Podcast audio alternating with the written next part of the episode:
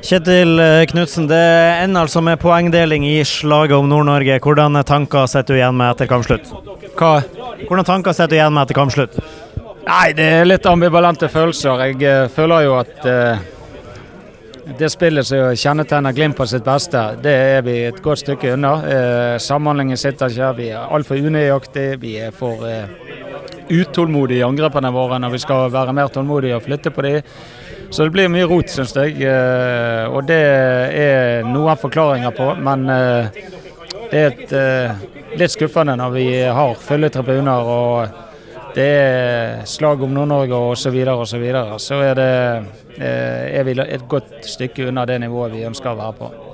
Vi kan jo ikke unngå å prate litt om eh, dommeren etter den eh, kampen her. Eh, nå skal det jo sies at så vidt jeg har hørt, så var også, ikke også Tromsø feilannullert i skåring i, i, første omgang. Nå har jeg ikke sett reprise av den, men hele Aspmyra så jo klart reprise av Hugo Vetlesens utligning, der han var en meter onside og frarøva i utligning der.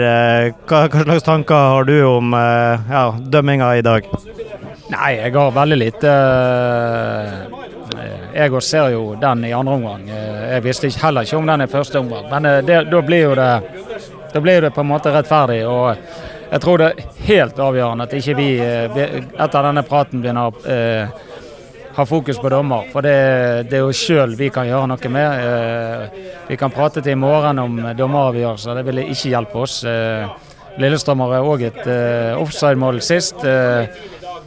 Sånn er det. Eh, og så skal vi bruke all tid og alle krefter på å prøve å få Glimt-toget til å gå litt fortere og få det på, si, på riktig spor òg. Det tror jeg er det vi må bruke kreftene våre på.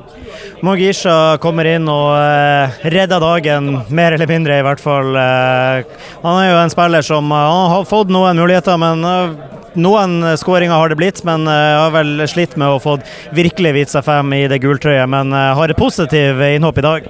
Ja, han har hatt flere positive innhopp. Og det er nå litt eh, hva skal du si, historien i Bodø-Glimt. At de som kommer eh, til Bodø-Glimt trenger tid. Det handler om å tilegne seg eh, intensitet og kraft. Eh, og komme inn i måten vi tenker og ønsker å spille fotball på. Eh, og så har vi jo egentlig flyttet han litt fra venstre til høyre nå, og han er i litt spennende utvikling nå. Så det at han fikk den skåringen, eh, det reddet eh, alle som er glad i Glimt i borgertoget i morgen. Så eh, vi får rette en stor takk til han. Men han, er, han, er, på vei nå, så det var gøy at han fikk litt betalt i dag.